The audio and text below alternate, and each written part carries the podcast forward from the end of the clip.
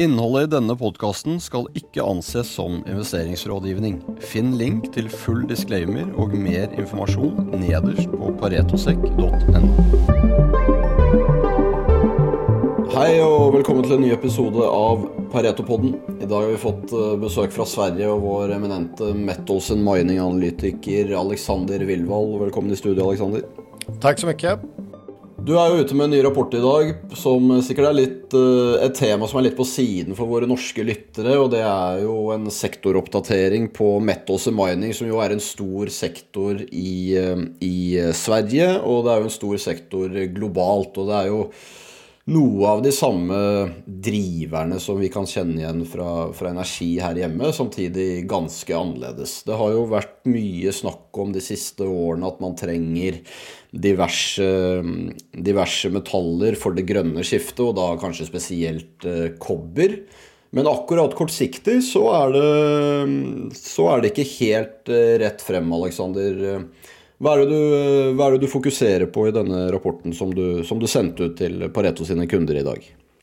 Ja, precis som du säger så är det ju två eh, parallella drivkrafter kan man nästan säga. Det ena är långsiktig efterfrågan på till exempel koppar och andra metaller som behövs för en eh, ja, long term transition industrin. Men samtidigt så är man ju eh, i en situation där den korta cykliska efterfrågan svänger mycket och det har mycket att göra med kinesisk industri som är den totalt dominerande konsumenten av koppar eh, i världen. Och eh, här så det vi fokuserar på i dagens rapport det är den lite mer korta bilden framför allt. Och eh, det vi har sett de senaste åren det är väl att man, man länge har, eh, man har underskattat, eller man har överskattat supply eh, Eh, tillväxten. Eh, och eh, år efter år så har man eh, tittat in i nästa år och då räknat med att supply kommer att trumfa demand och eh, att det blir någon slags överskott. Men sen har det inte spelat ut riktigt så, utan eh, man har snarare landat med underskott år efter år av då eh, raffinerad koppar och det har lett till de här höga priserna vi haft. Nu så när vi tittar eh, in i 2024 så är det en liten annan situation. Det ser ut som att det är en mer balanserad marknad nu och sannolikt så lutar det åt att det blir något av ett överskott nästa år. Och där har vi två drivkrafter. Dels att supply börjar komma ikapp mer och dels att det är lite skakigare på efterfrågesidan på kort sikt.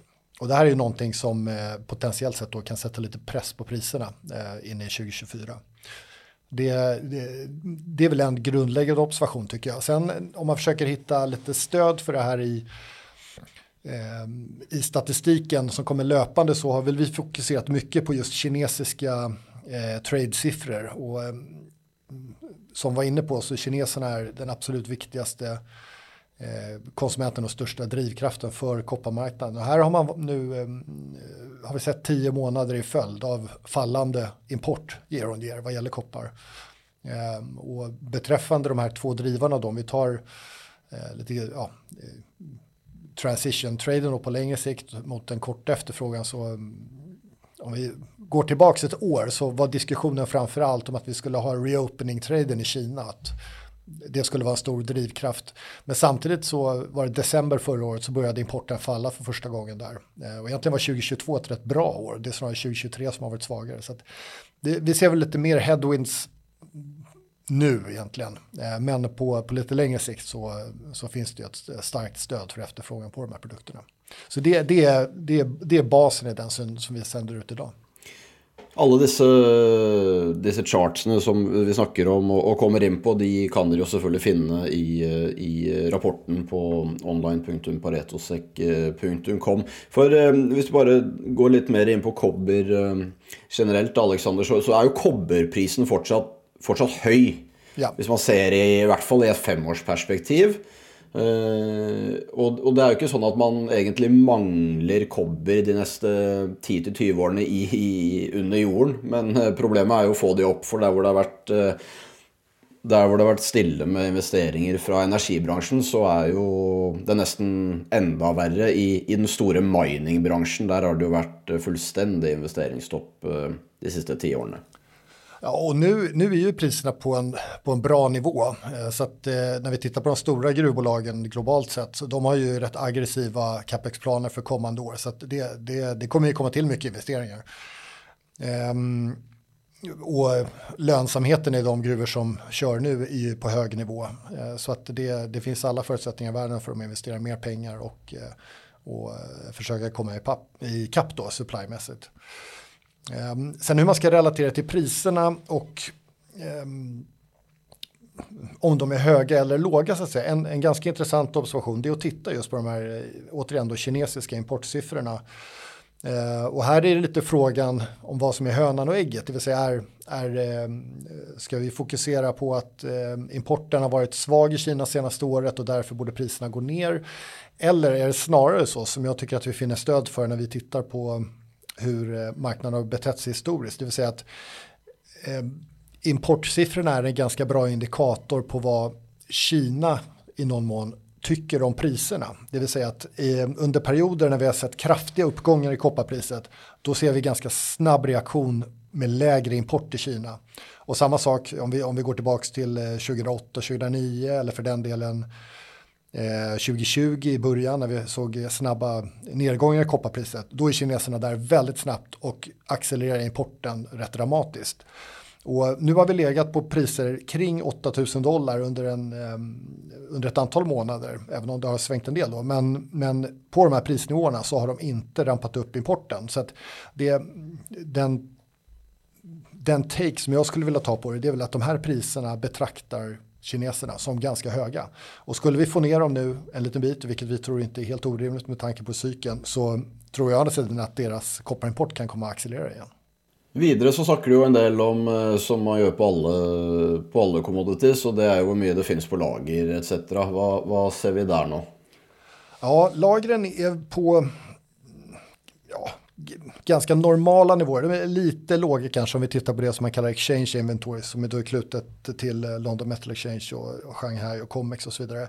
Eh, men de, de har trendat lite uppåt den senaste tiden. Ehm, och om vi nu går in i ett läge där vi kommer eh, från kontinuerliga underskott på marknaden under ett antal år till att vi potentiellt sett eh, får några hundratusen ton i, eh, i eh, så att säga supply surplus då så, så finns det ju en risk att de här eh, lagen börjar stiga eh, under slutet på det här året och in i nästa och det eh, korrelerar rätt tydligt med i så fall en nedgång i priserna då på lite kortare sikt. Så det, det skulle nog vara bäst guess utifrån dagens situation.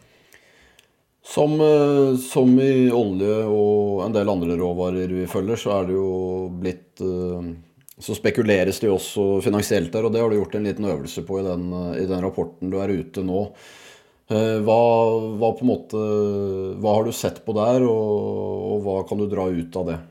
Ja, eh, som mycket annat så kan man tolka det, eh, man kan göra så att säga eh, glaset är halvfullt eller glaset är halvtomt tolkningen. Men eh, spekulativa trades så att säga, i copper futures, de är något netto short i dagsläget. Och typiskt sett, om det även har eh, korrelerat med att priserna har kommit ner, då, då brukar det vara ett ganska bra entry point för att gå lång egentligen i marknaden då.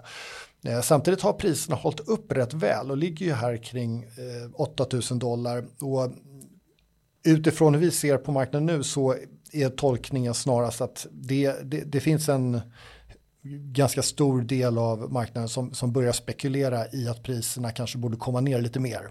Och att det, det är den tolkningen vi gör snarare än att den net short så att säga aggregate position som vi ser är en anledning till att, till att gå lång här. Eh, så att eh, vi, vi, vi tar en lite, lite försiktigare tolkningen av den positioneringen som det ser ut nu. Men över tid så brukar det vara så att jag menar när vi har sett eh, Eh, Eh, priser går ner för mycket så att säga, eh, då brukar det korrelera med att det finns rätt mycket shorts på marknaden och det ger ju som alltid bränsle till marknaden att sen stiga rätt snabbt igen. Så att, eh, mm, när, när vi väl tycker oss se en, en, en, lite mer tydlig botten på, på den här marknaden då kommer det sannolikt korrelera med att det finns mycket shorts där och då kan det gå upp fort också. Mm. Du, eh, du, skriver ju vidare att eh, uh, kobbermarkedet vanligtvis eh, uh, bunner när 90% av industrin är, är uh, cash-positiva. Och du ser ju fortsatt, en, eller du brukar en pris i alla fall på 10 000 dollar per ton uh, långsiktigt, det vill säga från, från 2026 och utöver. Och då Da, da, da, har du jo sett på mm, det man kaller på en måte planning price, og det er jo noe vi også er kjent med fra, fra de store EMP-selskapene som bruker en planning price i forhold til investeringsbudsjettene sine. Og her, her eh, Du dekker jo et selskap i Sverige som heter Boliden, som sikkert de fleste har eh, hørt om. De har jo til og med fabrikker, fabrikker i Norge. Ehm, og er jo et stort, globalt viktig selskap innenfor det her.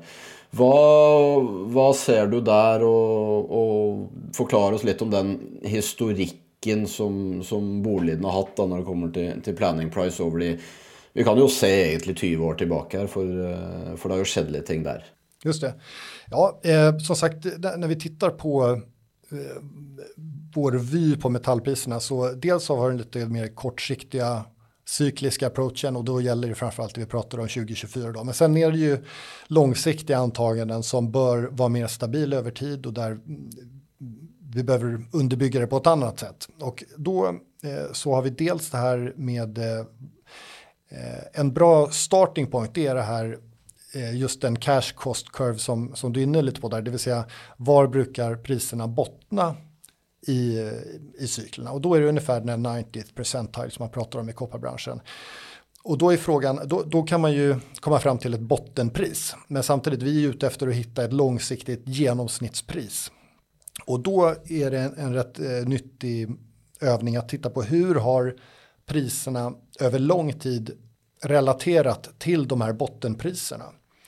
Ehm, och där så tittar vi dels på price action, det vill säga själva kopparpriset i sig, vad det har haft för historiska bottnar och var eh, det i genomsnitt har relaterat till de bottnarna. Och då ligger det någonstans, eh, så brukar det snitta kring en 80% i premie ungefär mot senaste major bottom i kopparpriset. Och de senaste major bottoms är ofta korrelerade till det här 90th percentile vad gäller cash cost curve. Så det, det är egentligen samma typ av siffra vi pratar om där.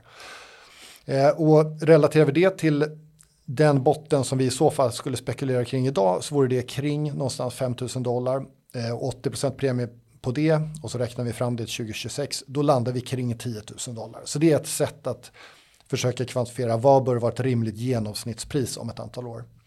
Eh, den andra varianten som är en liknande approach, men då är vi inne på de här planning prices då. Eh, och då pratar vi inte bottenpriser utan då är det priserna som gruvbolagen själva använder i sin planering och sina investeringsbeslut för att så att säga göra expansionsinvesteringar i sina gruvor.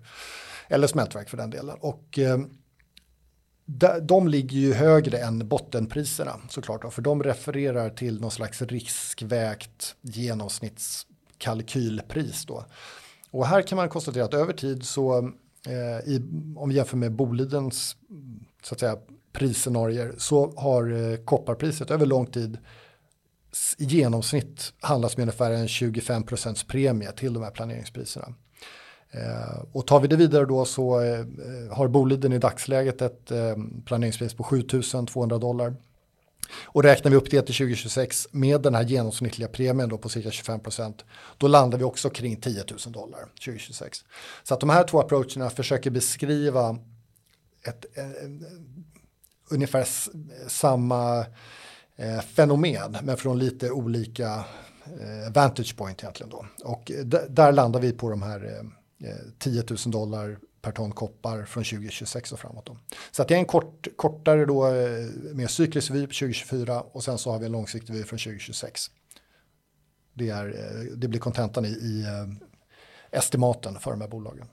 Høres, eh, høres, bra ut. Og som sagt, eh, alt dette For her er det jo mye Det er mye teknisk og det er mye historikk, så jeg vil jo anbefale alle lytterne våre å å gå inn på Pareto sine analysesider som sagt, og så, og så bla opp rapporten hvis det er noe dere ikke helt forstår her. Vi, det er jo naturlig å starte med kobber i en sånn rapport, mens vi går videre på, på sink, da, som eh, Du snakker jo litt om de andre, andre metallene her, og, og Boliden er jo store på sink og har jo bl.a. En, en stor fabrikk på Odda mm, i, i Norge. Hva, hva, ser vi der? Er det litt de samme trendene på de andre metallene du tar for deg i, i rapporten her, som vel er sink, bly og, og nikkel, eller er det annorledes? Ja, nej men det, eh, det är lite liknande scenario. Det vill säga att vad gäller zink så har vi mer, där, där är vi lite inne i en surplus situation redan. Men den ser ut att accelerera något nästa år. Eh, zink går ju mycket in mot stålindustrin. Eh, stål eh, är under viss cyklisk press nu. Så att där eh, kanske även då på efterfrågesidan att det kan bidra till lite surplus där. Så att det, det ger också upphov till en potentiell prispress då.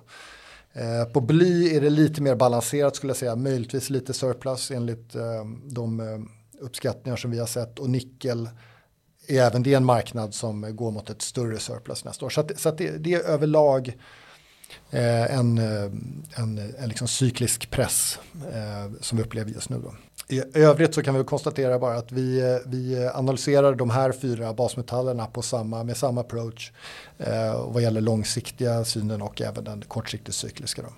Ja, och du har ju i rapporten din så har du ju um, dina Eh, dine price forecast for både 23, 24 og 25, og det som du da bruker eh, langsiktig, som, eh, som, du bruker i modellene dine. Både det du har oppdatert med, og det du hadde gammelt. For å snakke litt mer om Boliden spesifikt, Alexander, som du dekker, så har jo de hatt to ganske vanskelige kvartaler på rad. I sommer så kom det jo med med tall hvor, hvor, aksjemarkedet sendte aksjen ned. Og så rapporterte de jo tall nå fredag 20.10, og det var jo heller ingen ikke noe som aksjemarkedet tok bølgen for, men det gjelder jo mye syklisk industri akkurat nå. Hva, hva skal vi säga si om, om Q3-tallene til eh, Boliden och, och, din take på det? Ja. Ja, precis. Eh, Boliden hade stora problem i somras. De hade den här stora branden i Rönnskär som har påverkat verksamheten kraftigt, både kommersiellt och sen i termer av att de behöver bygga upp eh, här, detta tankhouse då som brann ner. Ehm, men sen så eh, har det även varit eh, press neråt på eh, deras grades inom en del gruvor. Och rent resultatmässigt nu i Q3 så var de väl strax under konsensusförväntningarna då egentligen. Men det har varit mycket osäkerhet och det har skingrats något nu. Nu har de lite bättre koll på hur det kommer se ut de närmaste kvartalen med tanke på ja, de förändringar de måste göra i sina kommersiella avtal eh, uppe i kopparsmältverken. De, de har egentligen behövt gå till att sälja en lite mer intermediary produkt, kopparanoder istället för färdiga katoder eh, i samband med att de hade den här eh, branden i Rönnskär. Och det kommer påverka deras lönsamhet under eh, resten av det här året och nästa år.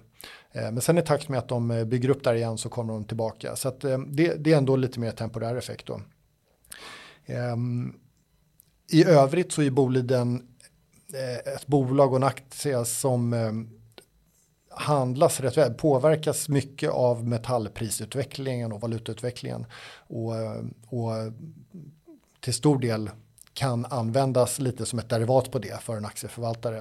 Och i det här läget så är man lite orolig för konjunkturen, orolig för metallprisutvecklingen och då har aktien gått svagt på det också. Mm. Vi ser jo litt det samme. Nå kom vel eh, Sandvik akkurat med tall, og det er jo, det er jo dårlig Altså et, et svakt ordreinntak på mining der også. Uh, dette er jo også selskaper som vi dekker, men det er jo din kollega Anders Roslund som dekker det. og jeg anbefaler jo alle våre lyttere å, å, å, lese gjennom Vi er jo ofte ute med, med sektoroppdateringer både på selve base metals, de som har direkte eksponering der, og hele cap goods-industrien, som gjerne er mining, services og alt som hører med. Da, for det er jo en stor og viktig sektor i Sverige som, som vi i Norge kanskje kan, kan, litt mindre om. Før vi eh, avslutter her, Alexander, så var du også ute og initierte på to stålselskaper. Eh, Aleima det ble jo spunnet ut av nevnte Sandvik eh, i fjor. Og så SSAB, som jo er eh, et selskap som sikkert eh, en del kjenner til. Eh, där kom du ut med överskriften Steel will be steel. Vad ser du i, i stålmarknaden akkurat nu? Ja, precis. Vi, eh, I samband med att vi initierar på de här bolagen så passar vi på att göra en riktigt lång Eh, en lång utblick på stålindustrin. Eh, dels globalt och sen in på eh, våra regioner men även på de här bolagen som har en väldigt lång historik. Och det vi kan konstatera är att man kommer från ett 2022 som är full, fullständigt spektakulärt vad gäller lönsamhet. Och zoomar man ut här så finns det utrymme för en normalisering. Och det gör att man ska vara lite försiktig helt enkelt. Då det som eh, skiljer de här bolagen åt i stort, det är väl SSAB, det är ju en flat product steel producer, alltså man producerar plåt, grov plåt och tunn plåt. Eh, och det går in till eh, byggindustri, det går in till automotive och så vidare. Ja, för det är jo, hvis vi, hvis vi bare ser på stålbruk per sektor, så är det klart att 52 är ju till, till bygging och infrastruktur, och speciellt på construction så har väl de flesta fått med sig att där, där står det lite stillere i hvert fall än vad det har gjort historiskt. da. Ja, precis. Eh, och eh, ju mer man så att säga zoomar in på utsikterna eh, på de bolagen. Dels så kan man konstatera att vad gäller stålproduktion så Europa är egentligen nere nu om man tittar i månadstakt då stålproduktionsmässigt på samma nivå som vi hade december 2008. Mm. Det vill säga det är väldigt svaga nivåer. Medan Europa eller USA ligger liksom lite, lite bättre till och Kina ligger ganska flat. Så, att, så ser det ut i den geografiska mixen. Eh, och tittar vi ner på eh, mer specifikt utsikterna för svenska stålbolag så eh, kan vi följa indikatorer från Konjunkturinstitutet här i Sverige och där ser vi att deras förväntningar har successivt sjunkit under hösten här, både vad gäller volymer och vad gäller priser. Så att eh, nu, nu har vi ju rapportveckan här eh, och de här bolagen rapporterar ju inom kort och, och vår, vår eh, eh base take så att säga, det är ju att vi förväntar oss att vi får ganska försiktiga outlooks från de här bolagen. Det, mm. det är det kortsiktiga caset då. Kina står jo for 54% av allt stål som, eh, som, produseres i världen. Men eh, selve produksjonen, om man ser på den globalt, så har den stått ganska stille de siste fem åren. Vad hva ser du på produksjonssiden der og, og, trendene Eller vad förväntar du deg, da, for å si det sånn, av trendene fremover? Ja, precis. Eh, det är ju... Vi hade ju en, om vi tittar globalt så hade vi en, en ett par decennier lång väldigt kraftig uppbyggnad under efterkrigstiden. Sen stod det till still i ett antal årtionden. Avslutades ju med eh, stålkriser bland annat i Sverige då där SSAB bildades som en konsolidering eh, genom staten då. Eh, sen så under de senaste årtiondena nu, det vill säga från att Kina verkligen tog fart i början där 2000 så, så har det varit en enorm tillväxt. Men den, den ser ut att vara lite mer moderate nu. Kina ligger snarare och taktar kring eh, att vara oförändrat vad gäller eh, stålproduktion medan vi har mer mogna marknader som där är, där är negativa tal. Eh, så att vi förväntar oss inte samma typ av tillväxt som vi har sett de senaste årtiondena. Och här är det väl ett typiskt läge där man känner på att zooma ut ordentligt för att se de långa trenderna. Ehm, eh, en, en sån indikator som kan vara värd att lyfta fram i det här sammanhanget det är väl stålkonsumtion per capita. Ehm, och här eh, är Kina nu på ungefär de nivåerna där USA var om vi säger kring 70-talet, det vill säga efter den uppbyggnad som de hade eh, i spåren av eh, efter, ja, efterkrigstiden. Då. Så att, eh, man, ligger och, och, och, man ligger på höga nivåer och när man är ett land med så stor marknadsandel och så stor påverkan på, på den globala stålbranschen så, så är, är det också en lite inneboende risk då. Det vill säga att det kan finnas mycket volymer som potentiellt sett kan leta sig till andra marknader. Hvis vi, eh, hvis vi ser på Aleima och SSAB mot varandra då, som är eh, eh, två sant, to, to stålselskaper, så får folk som inte känner det, vad, det är inte så att de levererar till de samma segmentene. Det också snackar du ju lite om, lite om i den rapporten din. Ta oss lite igenom vad skillnaden på, på Aleima och SSAB är för de, för de oinvidde. Ja, absolut. Eh, SSAB är ju då en eh, ja, flat carbon steel producer, alltså det är plåt, grov plåt och det är tunn plåt och det går in till eh, byggindustri, det går in till eh, heavy transports, eh, mining equipment, eh, automotive och så vidare. Eh, Aleima å andra sidan, de har sina egna nischer men det är eh, tubes in till oljeindustrin, det är wiring in till eh, industrial heating och så vidare. Så att det här är egentligen, det, det, är två stålbolag men de är inte konkurrenter till varann och de har helt olika nischer. Så att eh, de är ehm, på sätt och vis ganska lika men samtidigt så är det stora skillnader i exponering. Och här är väl någonting man kan konstatera att eh, tycker väl kanske att Aleima har en lite mer fördelaktig exponering givet den ja, de marknadsförutsättningar som råder nu, till exempel eh, med eh, oljepriser som är förhållandevis starka. Ja, för Alaima De leverer jo en del til, til olje- og gassektoren. Det er vel den, Ja. er den nest største Eh, Så eh, Aleima har ju en exponering specifikt mot olja och gas på 17 procent och sen eh, har man även en, eh, en eh, ungefär lika stor exponering mot chemical och petrochemical, det vill säga ändå energirelaterat. Så att det, det, det är en stor del för dem. Eh, SSAB är mer generell eh, så att säga plås, plåtkonsumtion i USA via service centers som marknaden ser ut där. Men sen är det mycket heavy transport och construction och så vidare. Så att eh, all, allt som allt så tycker vi nog att eh, det, det är lite stabilare förutsättningar vad gäller det cykliska eh, för alla IMA för tillfället då. Skjønner, som sagt så har vi eh, gitt, gitt hvor i sykelen vi er nå, så er vi jo noe, noe forsiktig til, eh, til sektoren. Men dette er jo to, to bra selskaper med, med bra balanser. Men vi er litt bekymret for, for marginer, og så er det en del, eh, så er det en del capex going forward. da Kanskje spesielt på SSAB, og det går jo på dette med grønt, grønt stål osv. Hvis vi bare tar det helt på slutten av Alexander i forhold til det skal jo, Alt skal jo gjøres grønt her også. Stål er vel eh, en av de största utsläppssektorerna globalt. Precis, och eh, SSAB står ju inför att ställa om sin eh, nordiska eh, ja, sin nordiska stålproduktion då mot, eh, man, man har ju nu eh, den- strukturen, den traditionella strukturen där man har masugnar, det är eh, kokskol och, och järnmalm.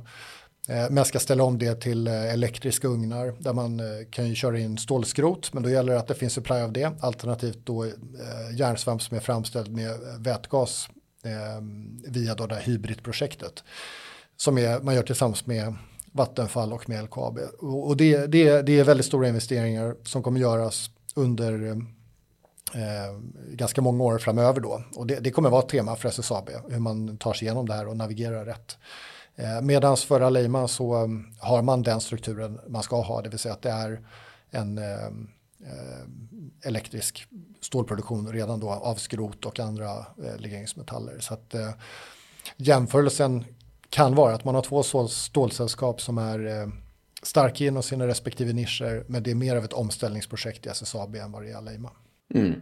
Och för att förstå bara Eh, størrelsesorden på det, så står vel SSAB for en ganske stor del av Sveriges og Finlands totale utslipp. Så det er klart, det er en viktig Den jobben de gjør, er viktig i forhold til eh, Ikke bare i forhold til, til SSAB på, på mikroperspektiv, men for eh, det blir vanskelig for de to landene å kutte noe som helst utslipp hvis ikke SSAB er i front.